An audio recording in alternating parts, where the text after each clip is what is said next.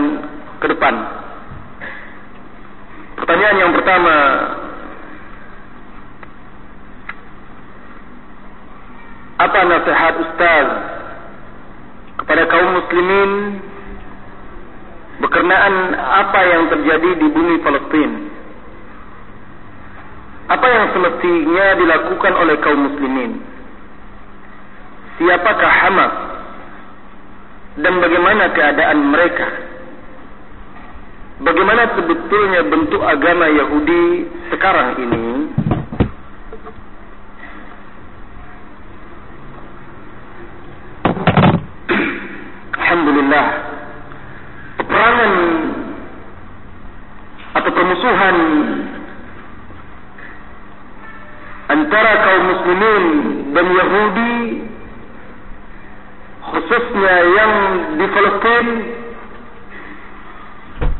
Ketika saya mengatakan kaum muslimin bukan maksud saya Hamas, tetapi kaum muslimin secara umum dan khususnya di Palestin.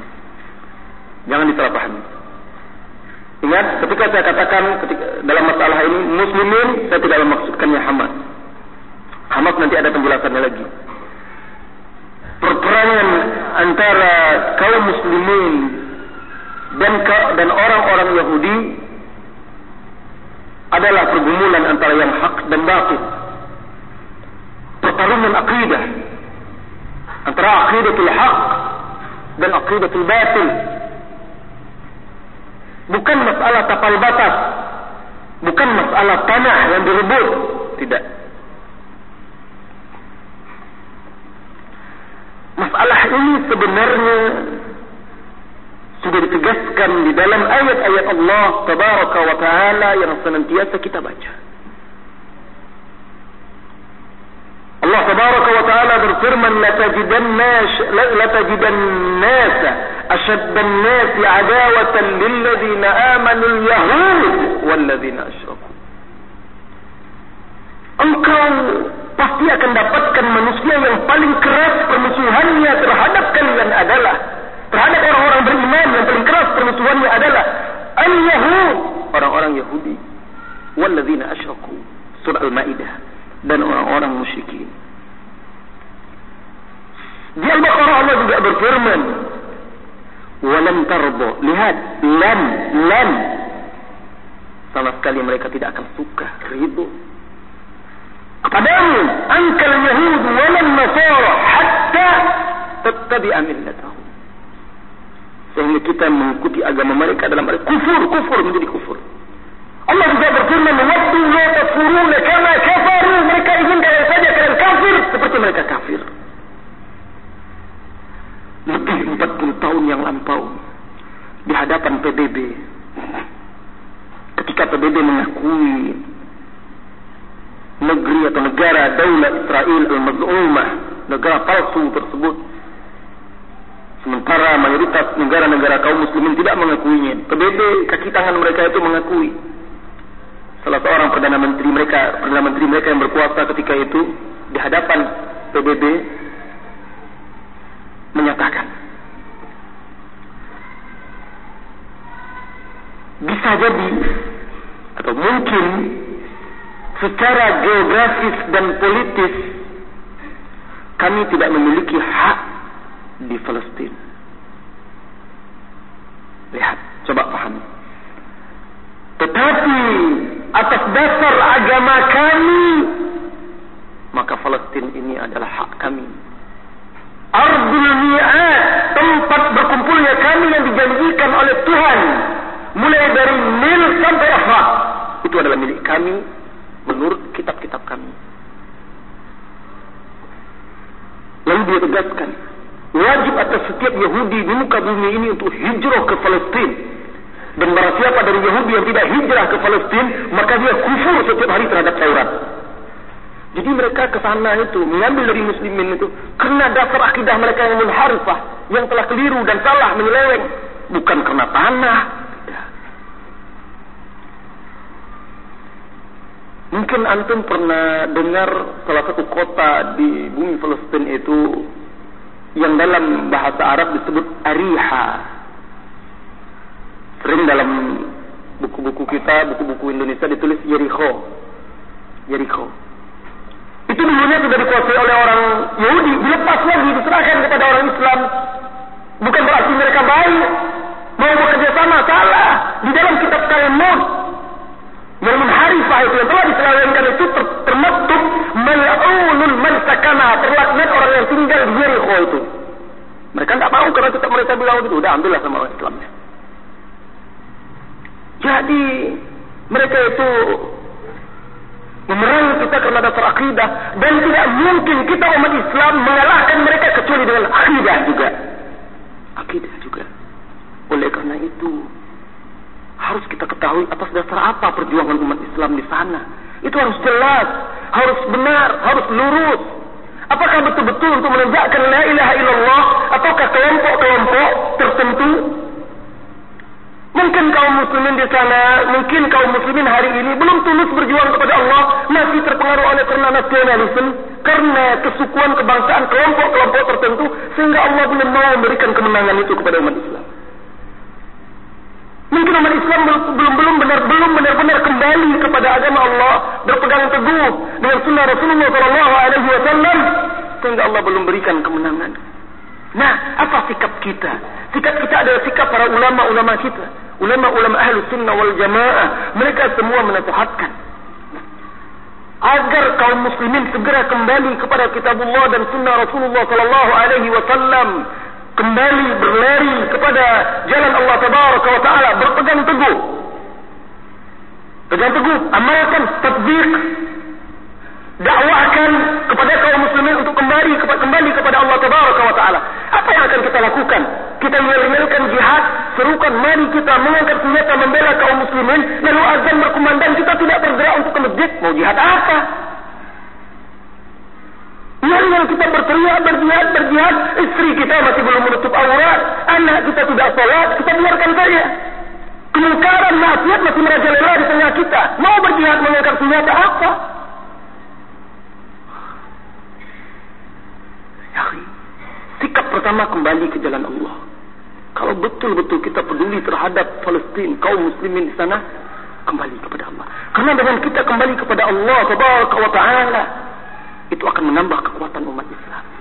Umat ini tidak akan menang sebelum dia kembali ke jalan Allah yang benar, jalan yang hak, jalan yang telah ditempuh oleh Rasulullah sallallahu alaihi wasallam dan para sahabat. Sultan Mahmud Nuruddin Zanki jarang didengar oleh kaum muslimin. Beliau ini adalah sultan, sedangkan Salahuddin Al-Ayyubi dahulunya ada panglimanya. Beliau ini dituliskan oleh para ulama biografinya seperti Ibnu Al-Asir, Ibnu Katsir dan lain Ibnu Katsir dan lain-lainnya. Sultan yang tidak ada tandingan di masanya.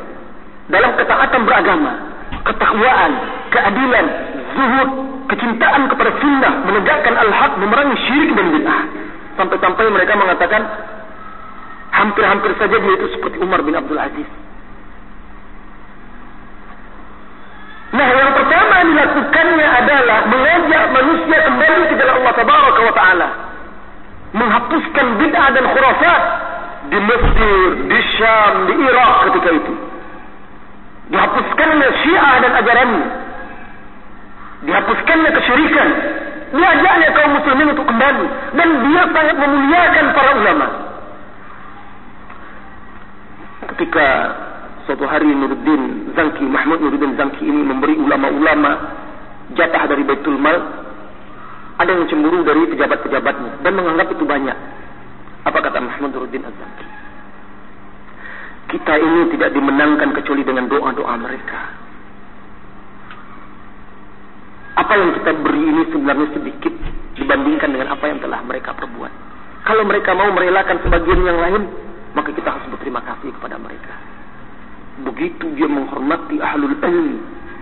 Beliau sering mengundang ulama-ulama untuk membacakan hadis dan beliau mendengarkannya, khidmat dan berusaha mengamalkan hadis-hadis Rasulullah sallallahu alaihi wasallam. Itu yang harus dilakukan kembali ke jalan Allah Tabaraka wa taala. Kemudian yang kedua, berdoa. Doakan kaum muslimin. Ya akhi. Kita yang meneteskan air mata melihat kondisi umat Islam di sana. Coba jawab dengan jujur. Benarkah kita pernah mendoakan mereka dalam sholat kita dengan tulus? Ketika kita sendirian, tidak bersama teman-teman. Kunut nazilah misalnya, kita makmum ikut. Tapi ketika kita sendiri, pernahkah kita betul-betul mendoakan saudara kita itu? Ayo peduli, sumbang, kumpul, dana, jihad. Tapi kita tidak pernah mendoakannya. Ketika kita sholat, dalam sujud kita. Di akhir salat kita. Agar Allah membantu dan meringankan beban mereka. Kita tidak pernah berdoa. Lihat, para nabi-nabi dahulu ketika mereka merasa dikalahkan oleh musuh-musuhnya, mereka berdoa kepada Allah Tabaraka wa Ta'ala. Rabbi ini maghlubun fantasir ya Allah aku dikalahkan oleh mereka Rabbku fantasir bantu menangkan aku tetapi ketika maksiat kemungkaran dibiarkan merajalela tanpa ada yang merubah dan berusaha mengingkarinya. Dengan cara yang baik orang-orang soleh berdoa tidak lagi dikabulkan. Ini fitnah musibah. Berdoa untuk mereka. Kemudian termasuk para ulama menghimbau untuk kaum muslimin imam-imam para imam melakukan kunut nazilah. Seperti yang dilakukan oleh Rasulullah sallallahu alaihi wasallam. Kemudian yang ketiga, bantu mereka dengan apa yang bisa kita bantu sesuai dengan kemampuan kita dan tetap dalam rambu-rambu syar'i. Kumpulkan dana untuk membantu mereka membeli obat-obatan, kesehatan dan segala macam yang bisa bermanfaat bagi mereka. Apa yang kita bisa? Salurkan melalui tempat-tempat yang terpercaya. Nah, dan jangan lupa persiapkan diri kita untuk menghadapi musuh-musuh Allah Tabaraka wa Ta'ala. Oh, jangan dikira persiapkan ini sini sholat latihan perang bukan. Ya.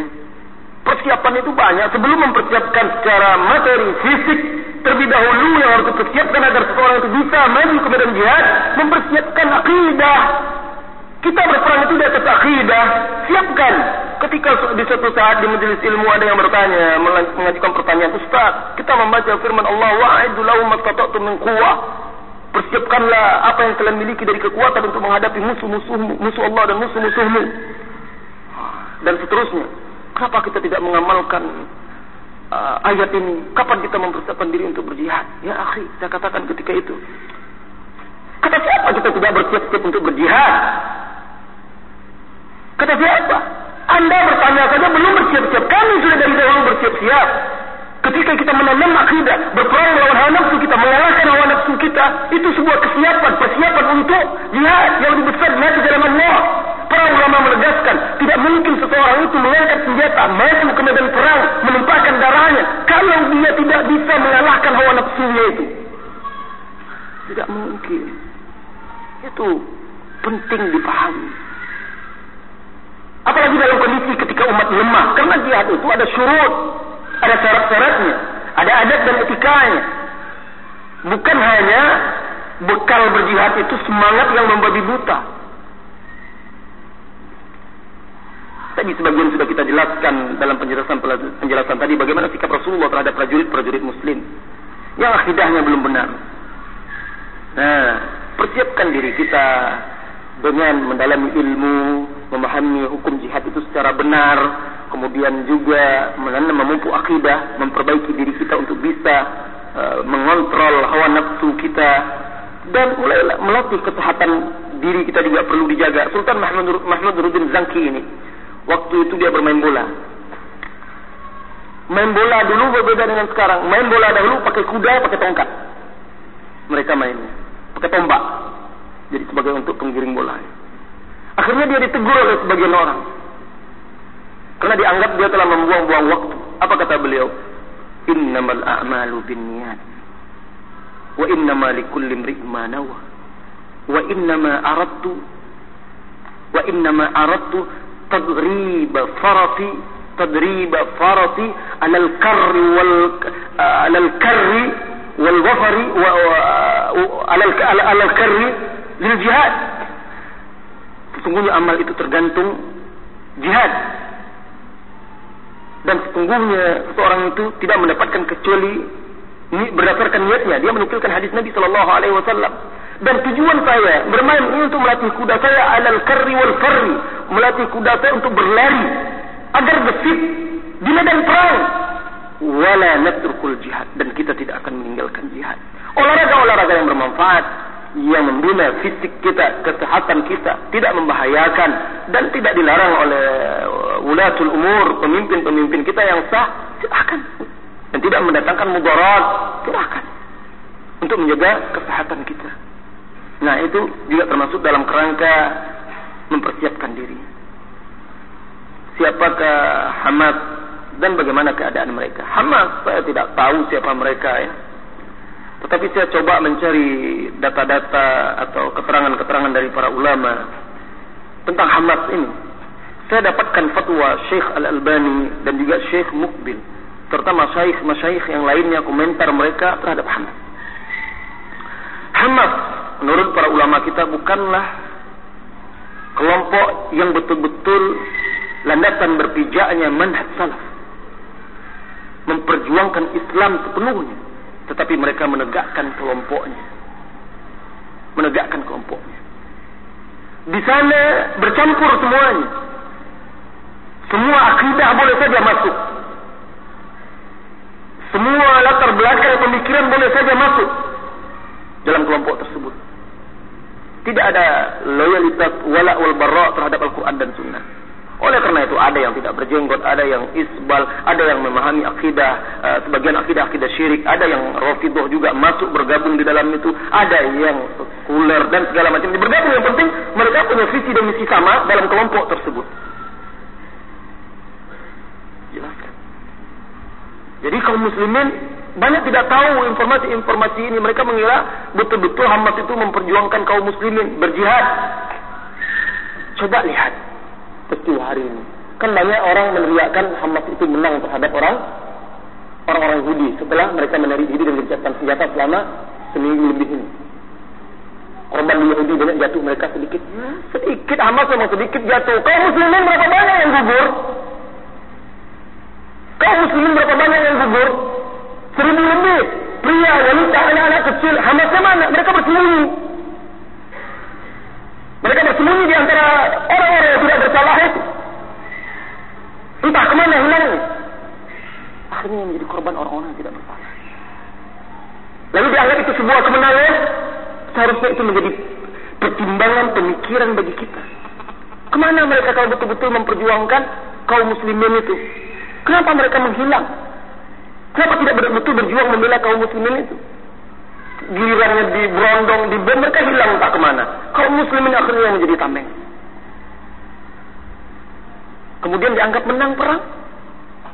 Hebat. Uh, mungkin banyak kaum muslimin yang tidak tahu bahawa ketika Hamas menang pemilu itu tidak sedikit dari pasukan-pasukan Hamas yang bertindak keji terhadap kaum muslimin yang tidak sependapat dengan mereka. Saya. Oh, enggak.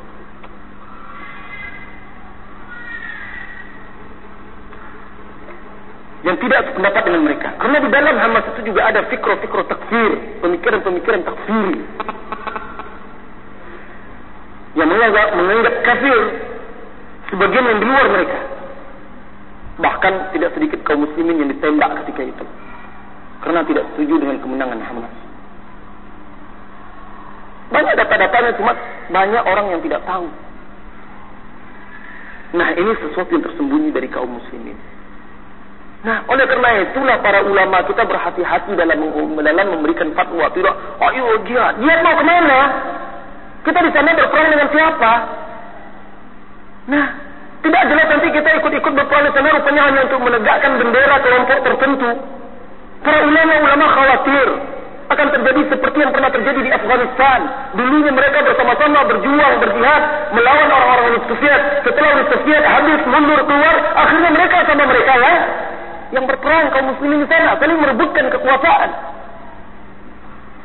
Ini dikhawatirkan juga oleh para ulama. Oleh karena itu, para ulama itu orang yang paling tahu akan fitnah. Orang-orang awam, setelah terjadi fitnah, pergi Baru mereka kata, oh rupanya fitnah, ini, ini. Kembali kepada ahli ilmi, bertanya kepada para ulama, apa sikap kita yang sebenarnya. Jadi itu yang saya ketahui tentang Hamas, tetapi kita tetap dukung kaum muslimin di sana. Kita doakan, kita bantu mereka. Sebagian orang mengatakan, wah, salafin, pengecut, tidak nampak perhatian terhadap kaum muslimin kita harus bedakan antara keberanian dan nekat. Itu harus kita bedakan. Apakah kita akan menganggap Rasulullah Shallallahu Alaihi Wasallam hijrah meninggalkan kota Mekah, padahal Mekah jauh lebih mulia daripada Palestina? Apakah kita akan menganggap Rasulullah yang meninggalkan Ka'bah, padahal Ka'bah jauh lebih mulia daripada Baitul Maqdis, Masjidil Aqsa? Hijrah ditinggalkannya. Apakah kita menganggap Rasulullah pengecut? Kok tidak direbutnya berperang saja di sana sabar mempertahankan Ka'bah sampai titik darah penghabisan? Rasulullah hijrah ditinggalkannya. Mekah jauh lebih mulia daripada Palestina. Pernahkah kita berpikir seperti itu? Ketika sebagian ulama-ulama salafiyin, ulama-ulama kaum muslimin, ulama al-sunnah wal jamaah memberikan penjelasan kalau memang kondisi umat Islam di sana tidak sanggup lemah mendatangkan mudarat yang lebih besar belum sanggup untuk berjuang di sana hijrah. Dianggap itu pengecut. Fatwa yang tidak pada tempatnya. Seorang Rasulullah Alaihi Wasallam meninggalkan kota Mekah yang jauh lebih mulia daripada daripada Palestina pernahkah kita merenungkan itu? Kenapa Kerana kondisi umat Islam lemah belum mampu waktu itu. Pernahkah kita membolak balik sejarah bahawasanya Palestin itu pernah 90 tahun tidak pernah ada azan di Baitul Maqdis, di Masjid Al-Aqsa, tidak pernah ada salat Jumat 90 tahun jadi tempat penambatan hewan-hewan kuda bagi orang-orang salibis. Itu pernah. Apakah kita katakan ulama-ulama ketika itu pengecut?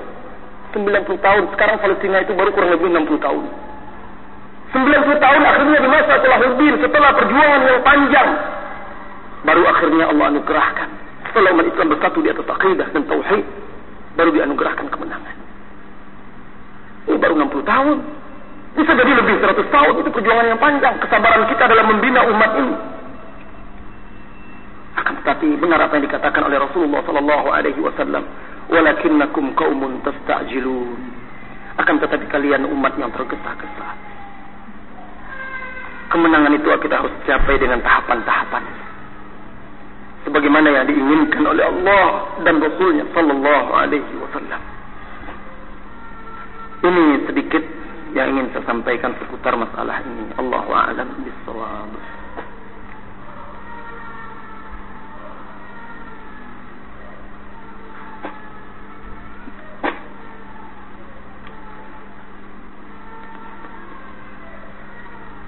Ustaz tentang tauhid. Apakah pengajaran tauhid harus dengan menerangkan bahawa tauhid terbagi menjadi tiga? Apakah hal ini suatu yang prinsipil? Ataukah boleh saya mengajarkan tauhid tanpa menyebutkan pembagian tauhid ini?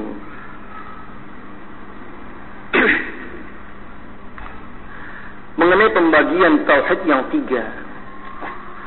Secara tak tegas nafs memang tidak disebutkan di dalam Al-Quran dan Hadis.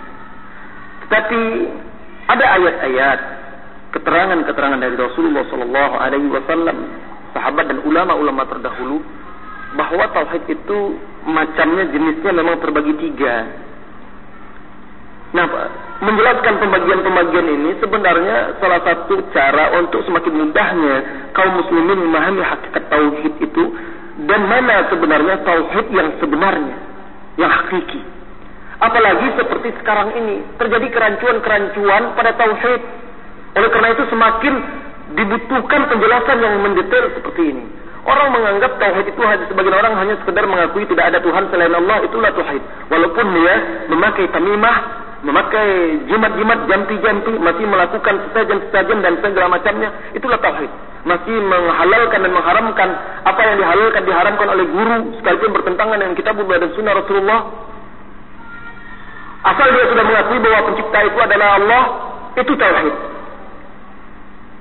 Nah, karena ketidakpahaman, kerancuan ini maka perlu dijelaskan pembagian tauhid itu. Bahwa kalau tauhid itu hanya sekedar tauhid rububiyah belum cukup untuk memasukkan dan menjadikan seorang itu mukmin. Karena orang-orang kafir dahulu yang diperangi oleh oleh Rasulullah sallallahu alaihi wasallam karena kekufuran mereka juga mengerti itu juga yakin pencipta ini adalah Allah Bahkan dalam keadaan terjepit mereka kembali kepada Allah Tabaraka wa Taala. Tetapi kenapa mereka dianggap musyrik? Kenapa mereka dikufurkan? Berarti ada bagian tauhid lain yang mereka tidak amalkan, tidak mereka terapkan. Tauhid uluhiyah. Nah begitu seterusnya tauhid asma wa sifat. Nah oleh karena itu menjelaskan masalah tauhid dengan pembagian-pembagian ini khususnya di hari ini sangatlah penting.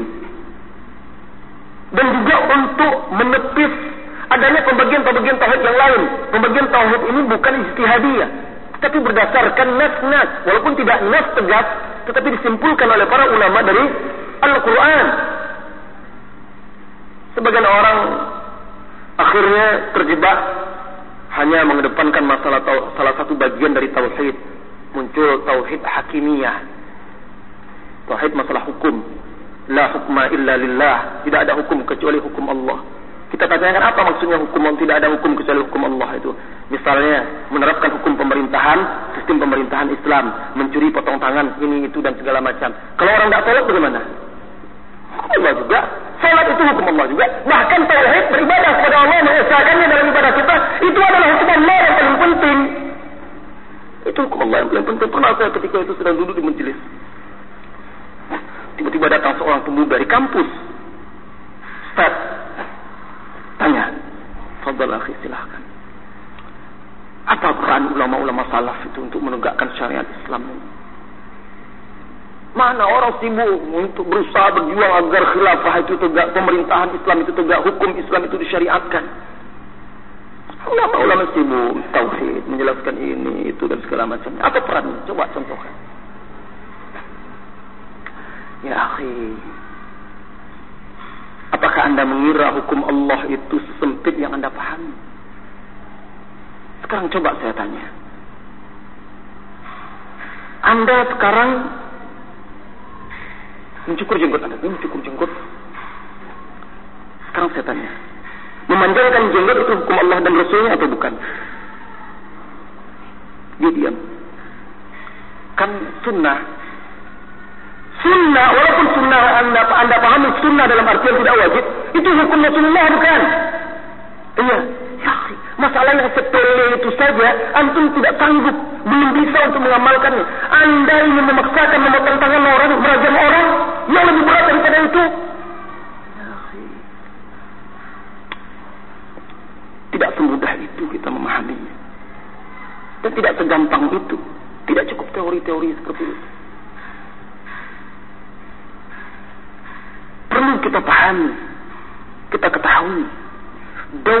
itu hanyalah payung, bukan dasar. Tanpa ada khilafah, tanpa ada daulah, kita tetap wajib beribadah kepada Allah. Agama tetap harus tegak. Walaupun kita berusaha agar syariat Islam itu tegak. Oleh karena itu Rasulullah dan kaum muslimin tetap beribadah ketika mereka di Mekah. Bahkan bukan itu daidan mereka yang terus mereka dengung-dengungkan tidak tetapi tauhid itu sesungguhnya nah ini perlu dipahami. Nah karena adanya pembagian-pembagian tauhid yang salah ini maka perlu sekali mengajarkan tauhid menjelaskan dengan pembagian yang sah dan benar. Ini berdasarkan Al-Quran dan Sunnah serta pemahaman ulama-ulama kita. Allah alam bisawab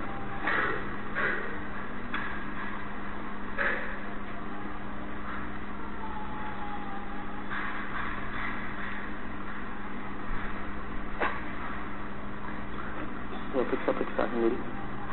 Boleh.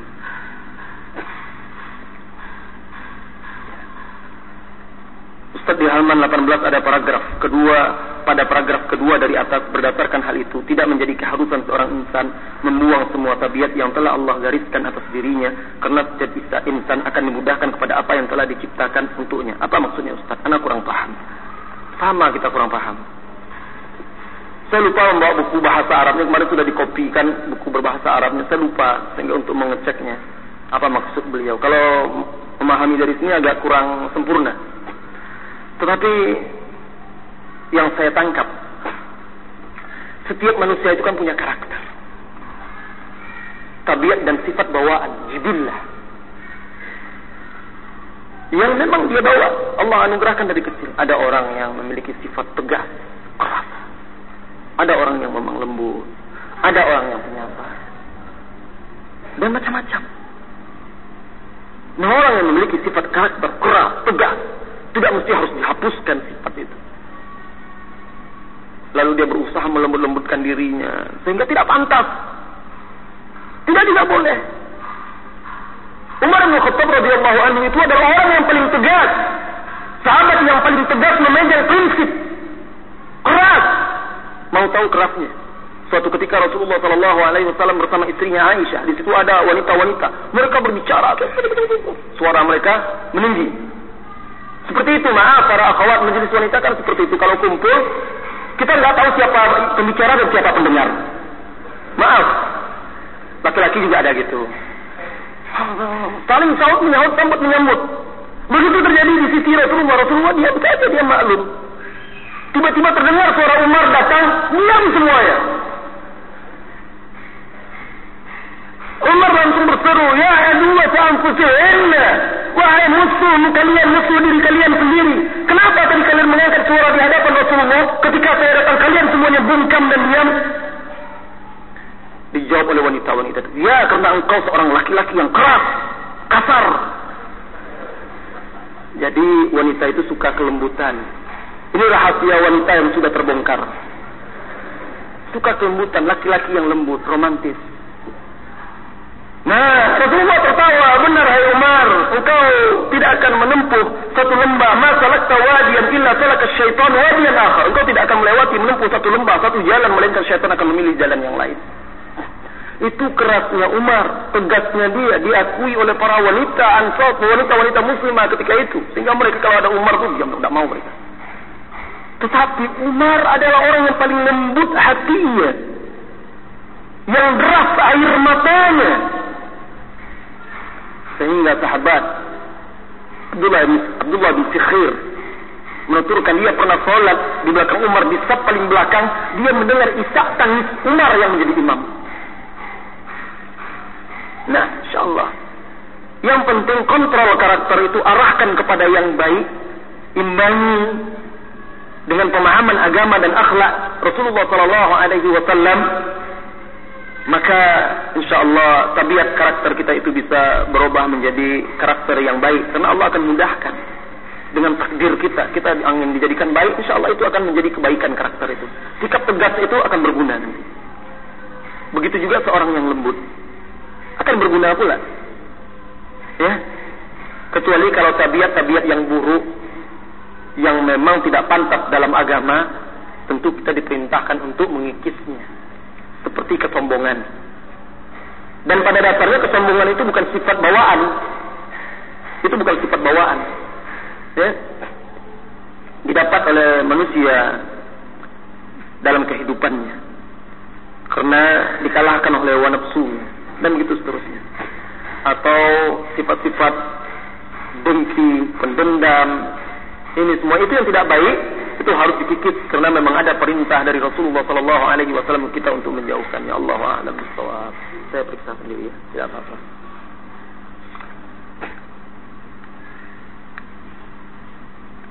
Bagaimana cara agar seorang anak, seorang istri tidak menjadi fitnah bagi suaminya? Agar anak istri tidak menjadi fitnah, innama amwalukum wa auladukum fitnah, kata Allah Tabaraka wa taala, harta dan uh, anak kalian adalah fitnah. Bagaimana supaya tidak menjadi fitnah? Bimbing mereka kepada jalan yang hak. Ajarkan istri kita agama. Jangan kita saja yang mau hadir ke majelis ta'lim. Beri kesempatan kepada istri kita untuk mengaji. Sekali-kali gantian gendong anak itu. Ini kita mau mengaji istri, biar sibuk dengan anak dan segala macamnya. Ketika istri melawan karena ketidakpahamannya, kita marah-marah pula. Lalu kita pasang hadis Nabi. Hati-hati kufur. Kufur asyir. Kamu tahu tak? Penghuni neraka itu banyak wanita. Kenapa kata Nabi? Karena yakfurnal asyir. Ingkar terhadap suaminya. Dia tidak pernah ajarkan istrinya. Ya, jadi kalau ingin anak kita tidak menjadi fitnah, suami kita tidak menjadi fitnah, ajak dia kepada jalan yang hak. Anak-anak kita didik dia di atas akidah yang hak, didik dia di atas akhlak yang mulia. Bagaimana kita mengharapkan anak kita tidak menjadi fitnah? Kita ingin anak kita menjadi seorang yang jujur, tetapi kita bohong. Ketika datang tamu bertanya, Assalamualaikum, ada bapak? Bapak tidur, bilang, bapak tidur. Dia tidak sengaja, dia tanpa sengaja, dia mengajarkan anaknya berbohong. Anaknya pergi ke depan. Abi tidur. Padahal dia di kamar ngumpet. Setelah itu ketika anaknya besar, membohonginya dia marah. Murka, menganggapnya sebagai anak durhaka, lupa dari dia yang mengajarkannya berbohong. Sering kita tanpa sengaja mengajarkan yang tidak baik kepada anak kita. Nah, kalau kita ingin anak kita itu, istri kita tidak menjadi fitnah, bimbing dan arahkan mereka kepada agama Allah. Kemudian jangan lupa jadilah suri tauladan yang baik bagi keluarga kita. Apakah seorang suami juga menjadi fitnah bagi istrinya? Ya, menjadi fitnah.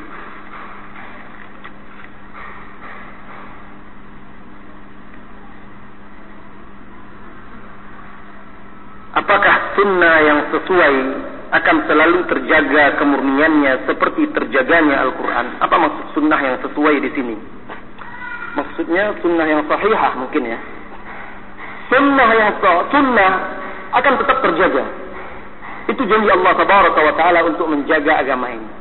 Tentang dalilnya para ulama memasukkan ke dalam ke dalam keumuman. Inna nahnu nazzalna dzikra wa inna lahu lahafizun. Kami yang menurunkan zikra, peringatan. Apapun maknanya, baik itu dimaknakan agama ini termasuk dalamnya Al-Quran.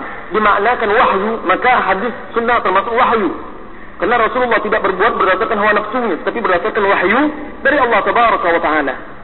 Nah, janji Allah, kami yang menurunkan zikra ini dan kami yang akan menjaganya. Bagaimana bentuk penjagaan Allah terhadap sunnah agar dia terjaga dari noda-noda pemalsuan dan lain sebagainya?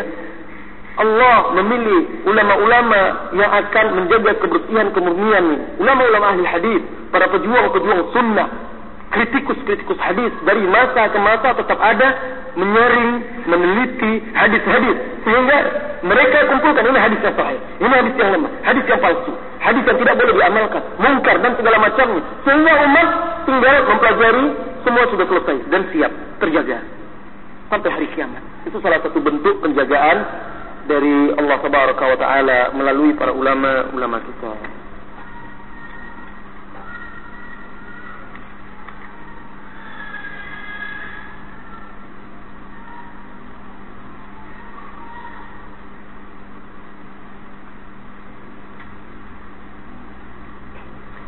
Bagaimana orang-orang yang di kampus atau di kos-kosan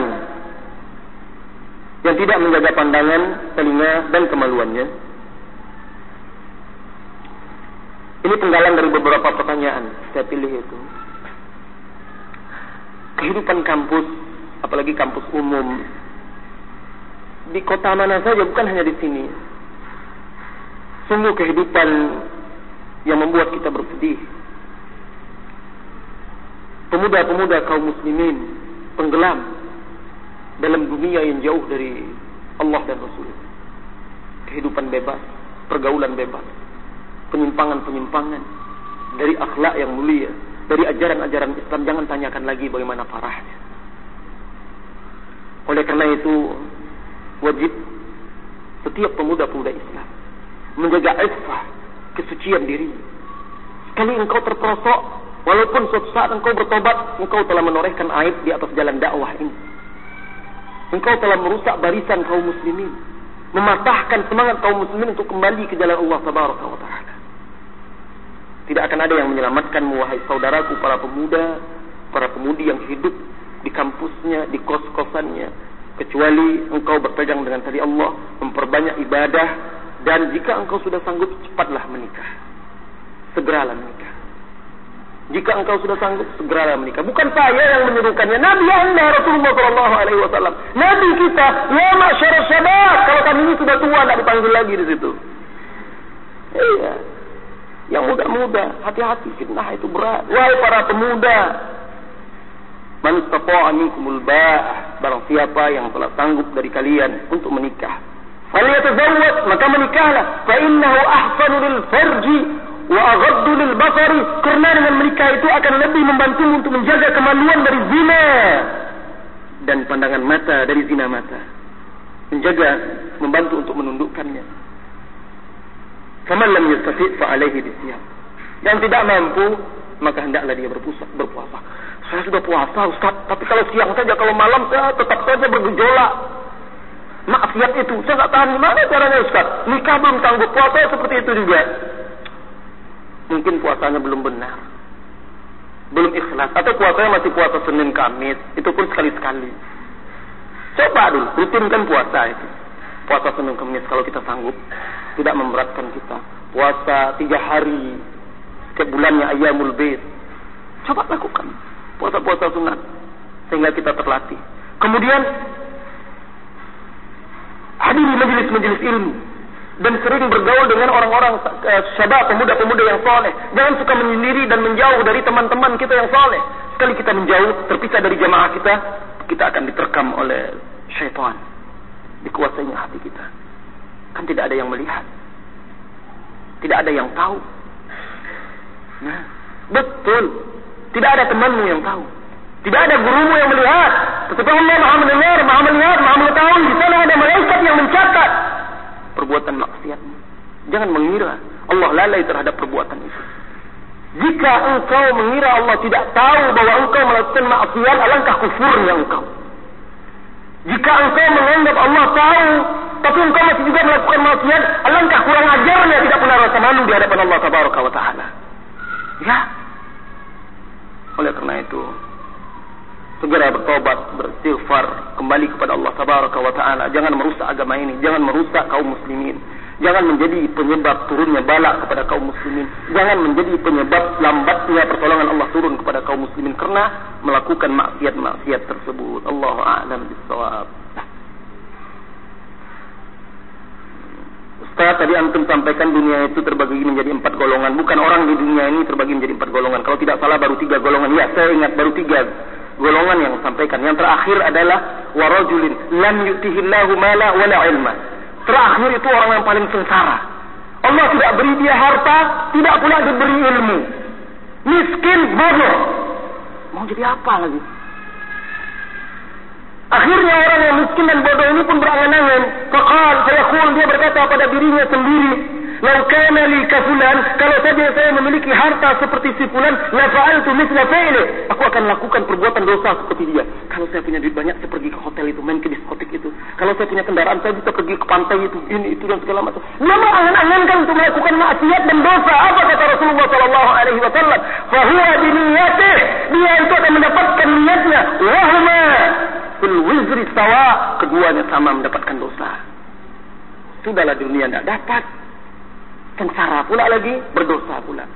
Alhamdulillah. Semoga Allah menjauhkan kita dari orang-orang yang seperti ini.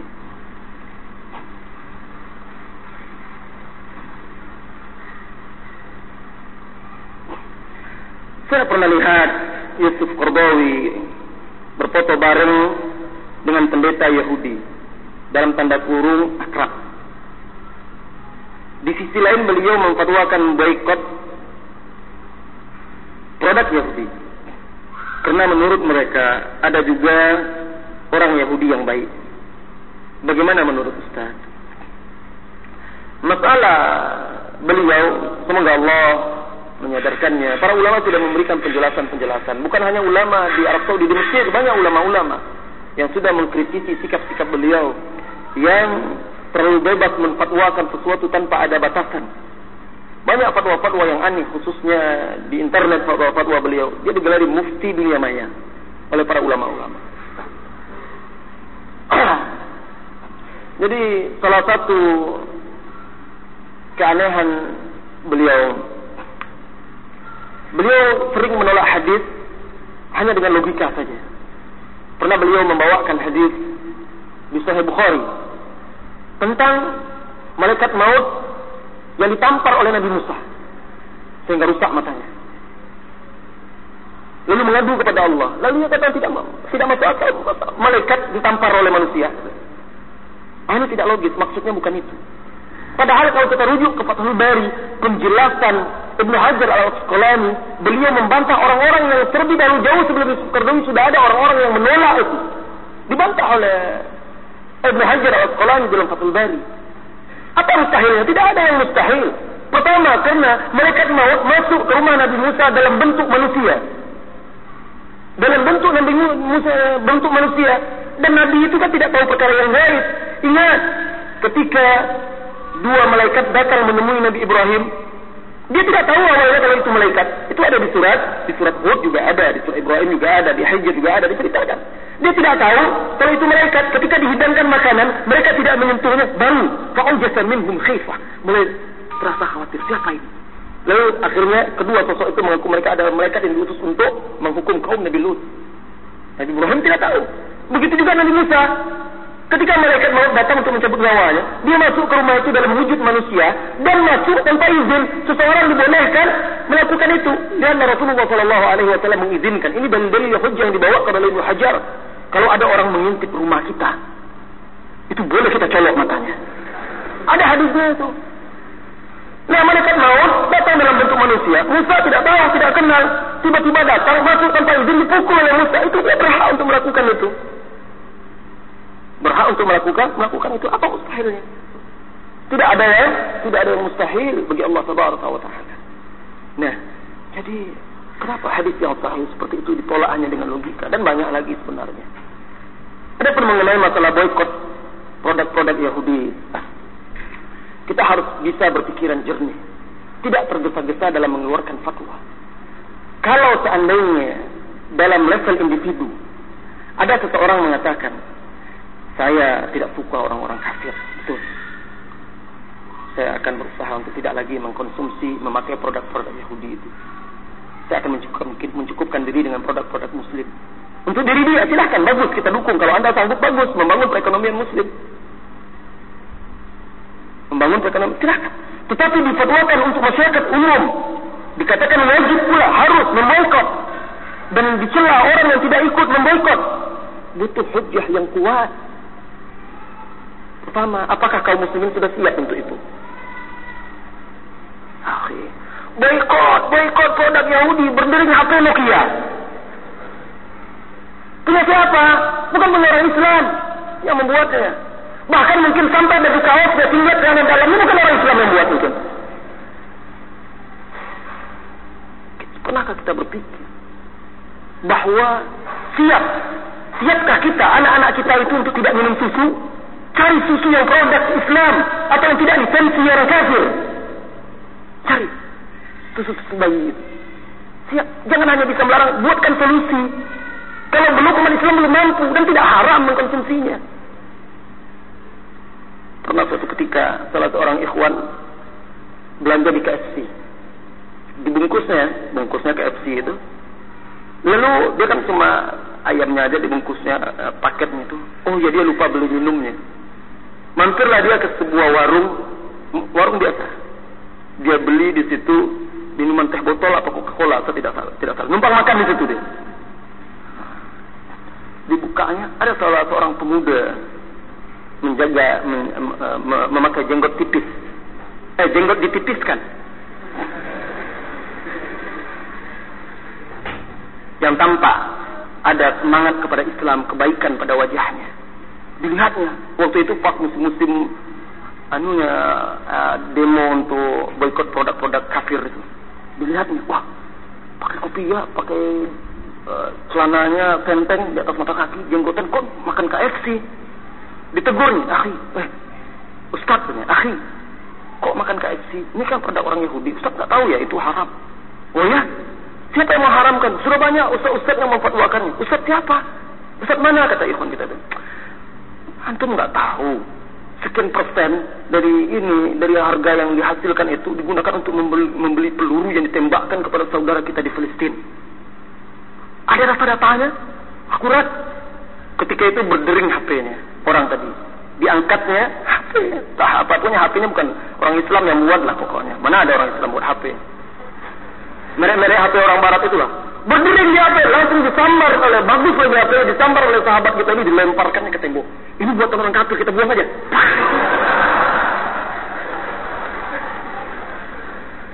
Pecah marah dia. Ah, eh, ngapain ente? Sembarangan ganti HP saya. Loh kita boykot produk-produk itu.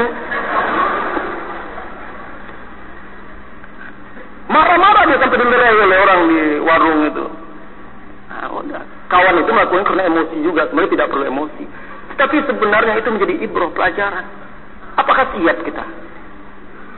Pergi demo boykot, boykot produk kafir. Naik mobil-mobil, bis apa segala macamnya, atau mobil-mobil, sepeda motor, produk siapa? Kan itu. Itu mau jalan kaki sana. Kan susah. Nanti akhirnya kita malah menyusahkan diri kita sendiri. Rasulullah Shallallahu Alaihi Wasallam berperang dengan orang Yahudi. Tetapi ketika dalam perang Khaybar itu beliau dihadiahkan, dihadiahkan kambing bakar, uh, kambing apa namanya itu yang bagian kakinya. Rasulullah terima, Rasulullah makan dalam kondisi perang yang ada kemungkinan itu kecurangan dan memang ada racunnya, tapi Rasulullah terima. Kok tidak diboikot? Apakah Rasulullah tidak memikirkan itu? Jadi harus dilihat masalah dan mafsadahnya juga. Harus dilihat masalah dan dan mafsadahnya juga. Nah ini perlu jadi kita jangan tergesa-gesa membuat uh, sebuah statement fatwa harus tetap umat Islam itu bergerak berbuat bersikap bukan berdasarkan emosi tidak tetapi berdasarkan Al-Quran dan Sunnah serta panduan para ulama-ulama yang ikhlas berjuang di atas jalan Allah Taala.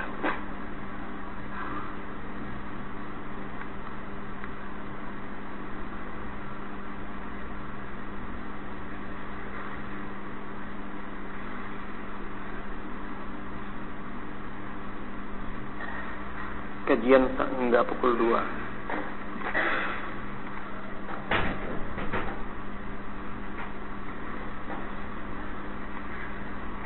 Bagaimana mendakwahi orang yang sudah tahu tetapi tidak mau melaksanakannya? Misal tahu kalau sholat itu wajib dan mendapatkan dosa bila tidak melakukannya, tetapi dia melalaikannya, tidak melakukannya. Kalau orang yang berwenang, maksudnya dia memiliki kewenangan, mungkin sebagai pemimpin rumah tangga, atasan dan segala macam, dia bisa bersikap tegas. Kalau orang yang seperti itu, tegakkan, berikan sanksi-sanksi. Kewajiban dia untuk mengajak bawahannya, orang yang dipimpinnya untuk di jalan Allah Tabaraka wa Taala. Kalau sudah menasihati, diingatkan tidak juga. Kemudian cara menasihati orang yang sudah tahu sebuah perintah tapi dia tidak melakukannya dengan terhib. Jelaskan ancaman-ancaman Allah. Jelaskan ancaman-ancaman Rasulullah terhadap orang-orang yang tidak sholat bahaya dan mudaratnya. Sehingga dia menjadi takut. Sehingga dia menjadi takut. Kalau dia belum tahu maka jelaskan keutamaan-keutamaan agar dia termotivasi. Nah, jadi harus ada tips-triknya. Kemudian juga kalau kita sudah sampaikan dengan baik dia tidak juga menerima berkali-kali ya sudah. Kewajiban kita kan menyampaikan Kewajiban kita menyampaikan bukan memaksa orang bisa menerima. Soal orang menerima tidak menerima itu hidayah, betul? Petunjuk dari Allah Tabaraka wa taala. Sampaikan, tapi jangan lupa doakan agar dia mendapat petunjuk dari Allah Tabaraka wa taala. Kita jawab dengan singkat-singkat ya, dengan ringkas. Ringkas. Ustaz, nama asli antum siapa?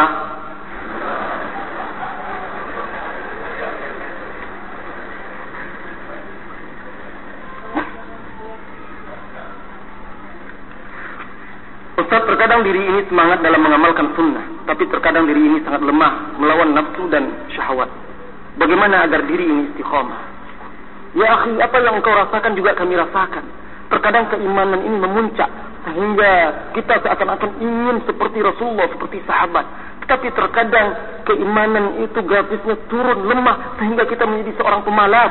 Itu juga dirasakan oleh setiap mukmin. Itu akidah sunnah wal jamaah. Iman itu bertambah dan berkurang berkurang bertambah dengan ketaatan berkurang karena maksiat.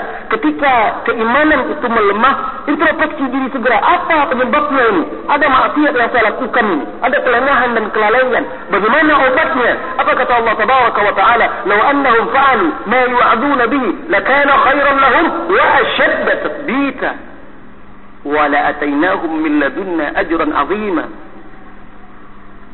ثم لا أتيناهم من لدنا أجرا عظيما ولا هديناهم صراطا مستقيما kalau saja bahwasanya mereka itu mengamalkan mengerjakan apa yang diajarkan kepada mereka. Lihat penyebab seorang itu lemah tidak istiqomah tidak mengamalkan hak al-hak kebenaran yang sudah diajarkan kepadanya.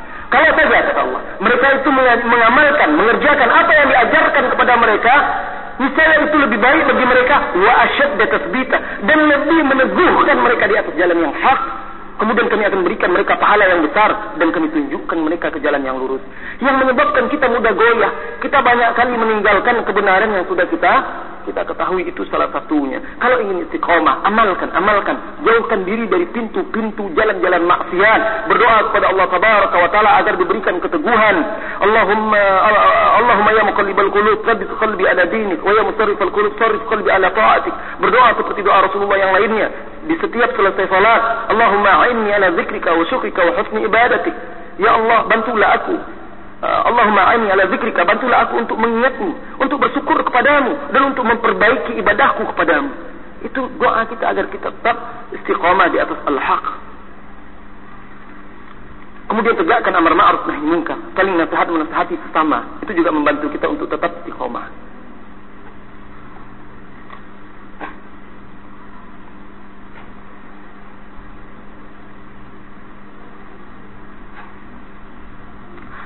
Pertanyaan dari radio Muslim. Assalamualaikum Ustaz. Tolong jelaskan syirik kecil itu seperti apa? Apa efeknya sering melakukan syirik kecil? Apakah akan mempengaruhi akhlak dan keimanan? Syirik kecil itu perkara-perkara yang bisa membawa kepada syirik besar ya yang bisa membawa kepada syirik besar uh, atau syirik-syirik yang tidak mengeluarkan seseorang yang tidak mengeluarkan seseorang, eh, seseorang atau tidak mengkafirkannya dari agama Allah taala. Contohnya dan syirik kecil itu terbagi-bagi juga. Bahkan syirik kecil itu bisa menjadi syirik besar. Ada syirik, syirikul asghar, kemudian ada syirikul khafi, syirik yang tersembunyi. Syirik kecil syirik kecil seperti riya. Tapi riya ini bisa berubah menjadi syirik besar. Ketika seseorang dia memang beribadah untuk Allah, tetapi di samping itu ada niat lain duniawi, itu syirik. Syirik kecil, ria. Ketika seorang sedang beribadah, salat, kemudian ketika orang datang, dia timbul keinginan untuk dipuji dan disanjung. Itu syirik kecil, ria. Tetapi kalau dia dari awal berniat memang beribadah itu hanya untuk manusia, itu bisa syirkul ak, syirkul akbar.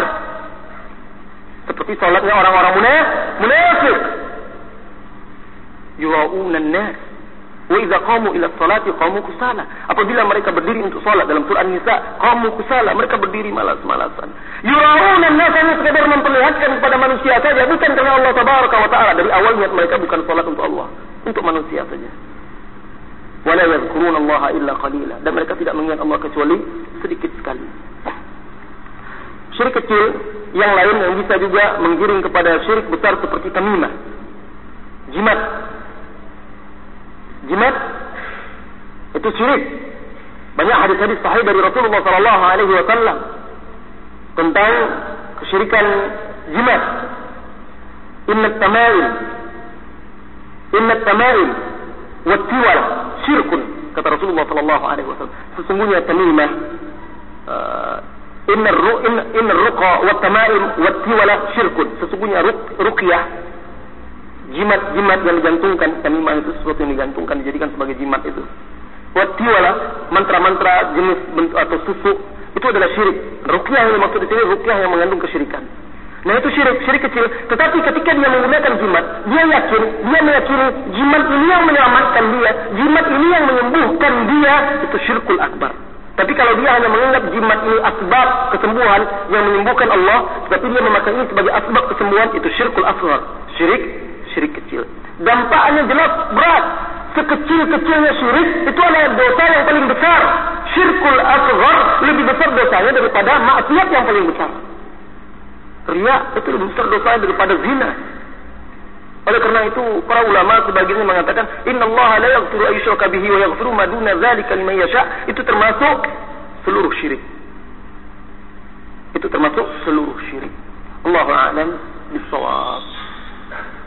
Akhirnya sampai kita di penghujung pertemuan kita, saudara-saudariku yang saya cintai karena Allah Tabaraka wa taala, masih tersisa beberapa pertanyaan saya mohon maaf tidak bisa terjawab. Mudah-mudahan bisa dijawab oleh ustaz-ustaz yang lainnya. Lebih dan kurangnya saya minta maaf. Kita bertobat kepada Allah Tabaraka wa taala, memohon ampunan atas segala dosa dan kesalahan. Sampai bertemu lagi insyaallah di lain waktu dan mudah-mudahan jika tidak bertemu di dunia, Allah mempertemukan kita bersama Rasulullah sallallahu alaihi wasallam kelak di surganya. وصلى الله وسلم على نبينا محمد والحمد لله رب العالمين. سبحانك اللهم وبحمدك أشهد أن لا إله إلا أنت أستغفرك وأتوب إليك. السلام عليكم ورحمة الله وبركاته.